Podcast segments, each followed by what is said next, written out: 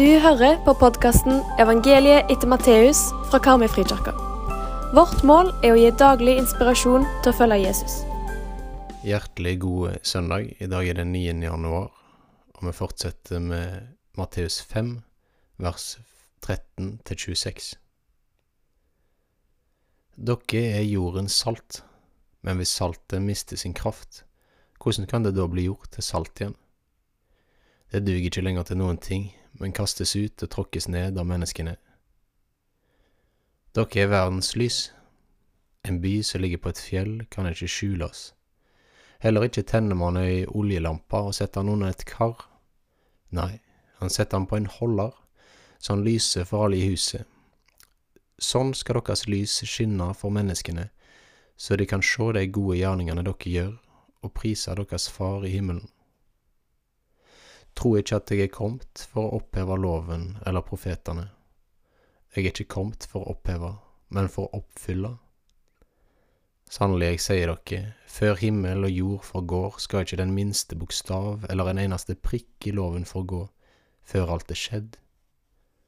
Den som opphever et eneste av disse minste budene og lærer menneskene å gjøre dette, skal regnes som den minste i himmelriket. Men den som holder de, og lære andre å gjøre det samme, skal regnes som stor i himmelriket. Ja, jeg sier dere, dersom ikke deres rettferdighet langt overgår de skriftlærdes og fariseernes, kommer dere aldri inn i himmelriket.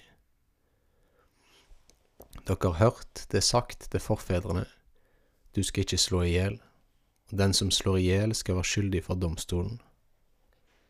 Men jeg sier dere, den som blir sint på sin bror, skal være skyldig for domstolen, og den som sier til sin bror din idiot, skal være skyldig for det høye råd, og den som sier din ugudelige narr, skal være skyldig til helvetes ild.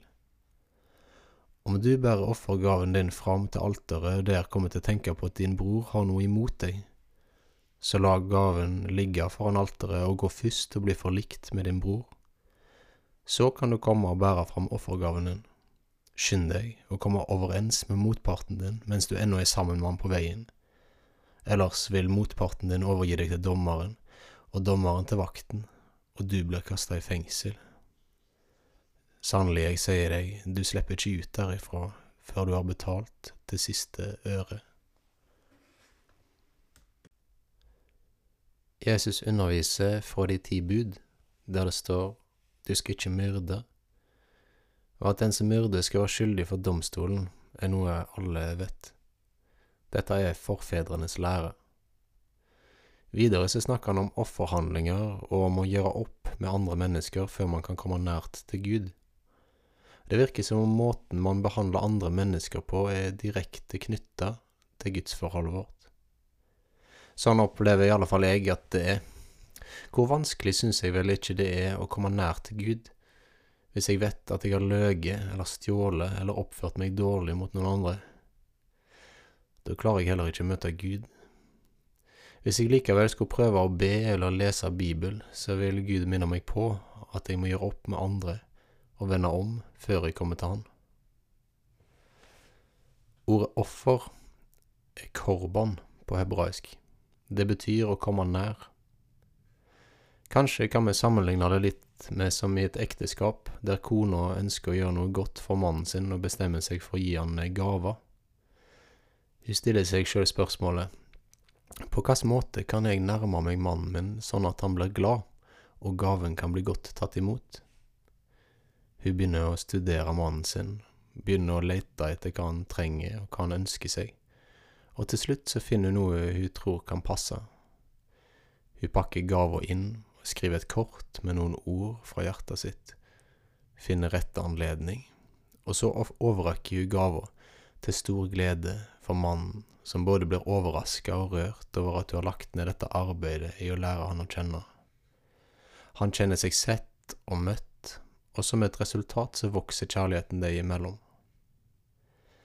Jesus forklarer at det ikke går an å gi en gave til Gud, det vil si ofre til Gud, om han ikke først har gjort opp med sin bror. Og så forklarer han videre ved å konkretisere. Og for dere som kjenner Bibelens første kapitler godt, så lurer jeg på Hvilken historie er det som handler om to brødre som ofrer til Gud, der den ene blir sint på den andre fordi Gud ikke så på hans offer med velvilje, og blir eh, misunnelig på broren sin fordi Gud så med velvilje på hans offer? Og i stedet for å gjøre opp med broren sin og bekjenne misunnelsen overfor Gud, og så han får hjelp til å håndtere sinnet, så lar han heller sinnet ta overhånd og går løs på han og slår han i hjel. Ja, vi snakker altså om første drap i Bibelens fjerde kapittel, med Kain og Abel. Når Gud ser at Kain blir misunnelig på broren sin, så sier Gud til Kain, Hvorfor er du sint, hvorfor ser du ned? Hvis du vil gjøre det gode, kan du se opp, men hvis du ikke vil gjøre det gode, så ligger synden klar ved døra. Den ønsker makt over deg, men du skal herske over den. Og så går Kain ut på marka og dreper broren sin. Kain blir etter hvert nødt til å flykte bort fra Gud, fordi han ikke orker å være nær han lenger. Og han slår seg ned i et land som heter Nod, og som betyr fredløs. Hvordan nærmer vi oss Gud, og hvordan nærmer vi oss hverandre? Hvordan vil jeg sjøl ønske at de jeg var glad i, kom nærmere til meg?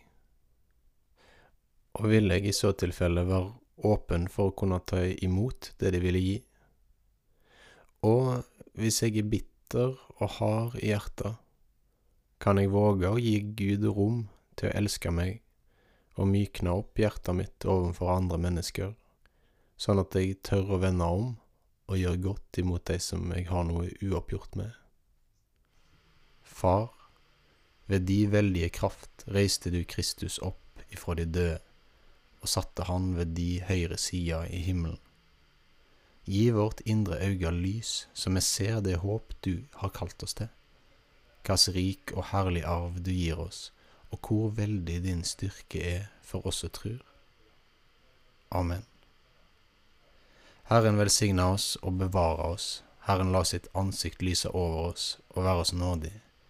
Herren løfta sitt ansikt mot oss og gi oss fred. I Faderens, i Sønnens og i Den hellige ånds navn. Amen. Vi håper du blir med videre for å lese hele evangeliet etter Matteus sammen med oss. Leseplanen finner du på våre nettsider.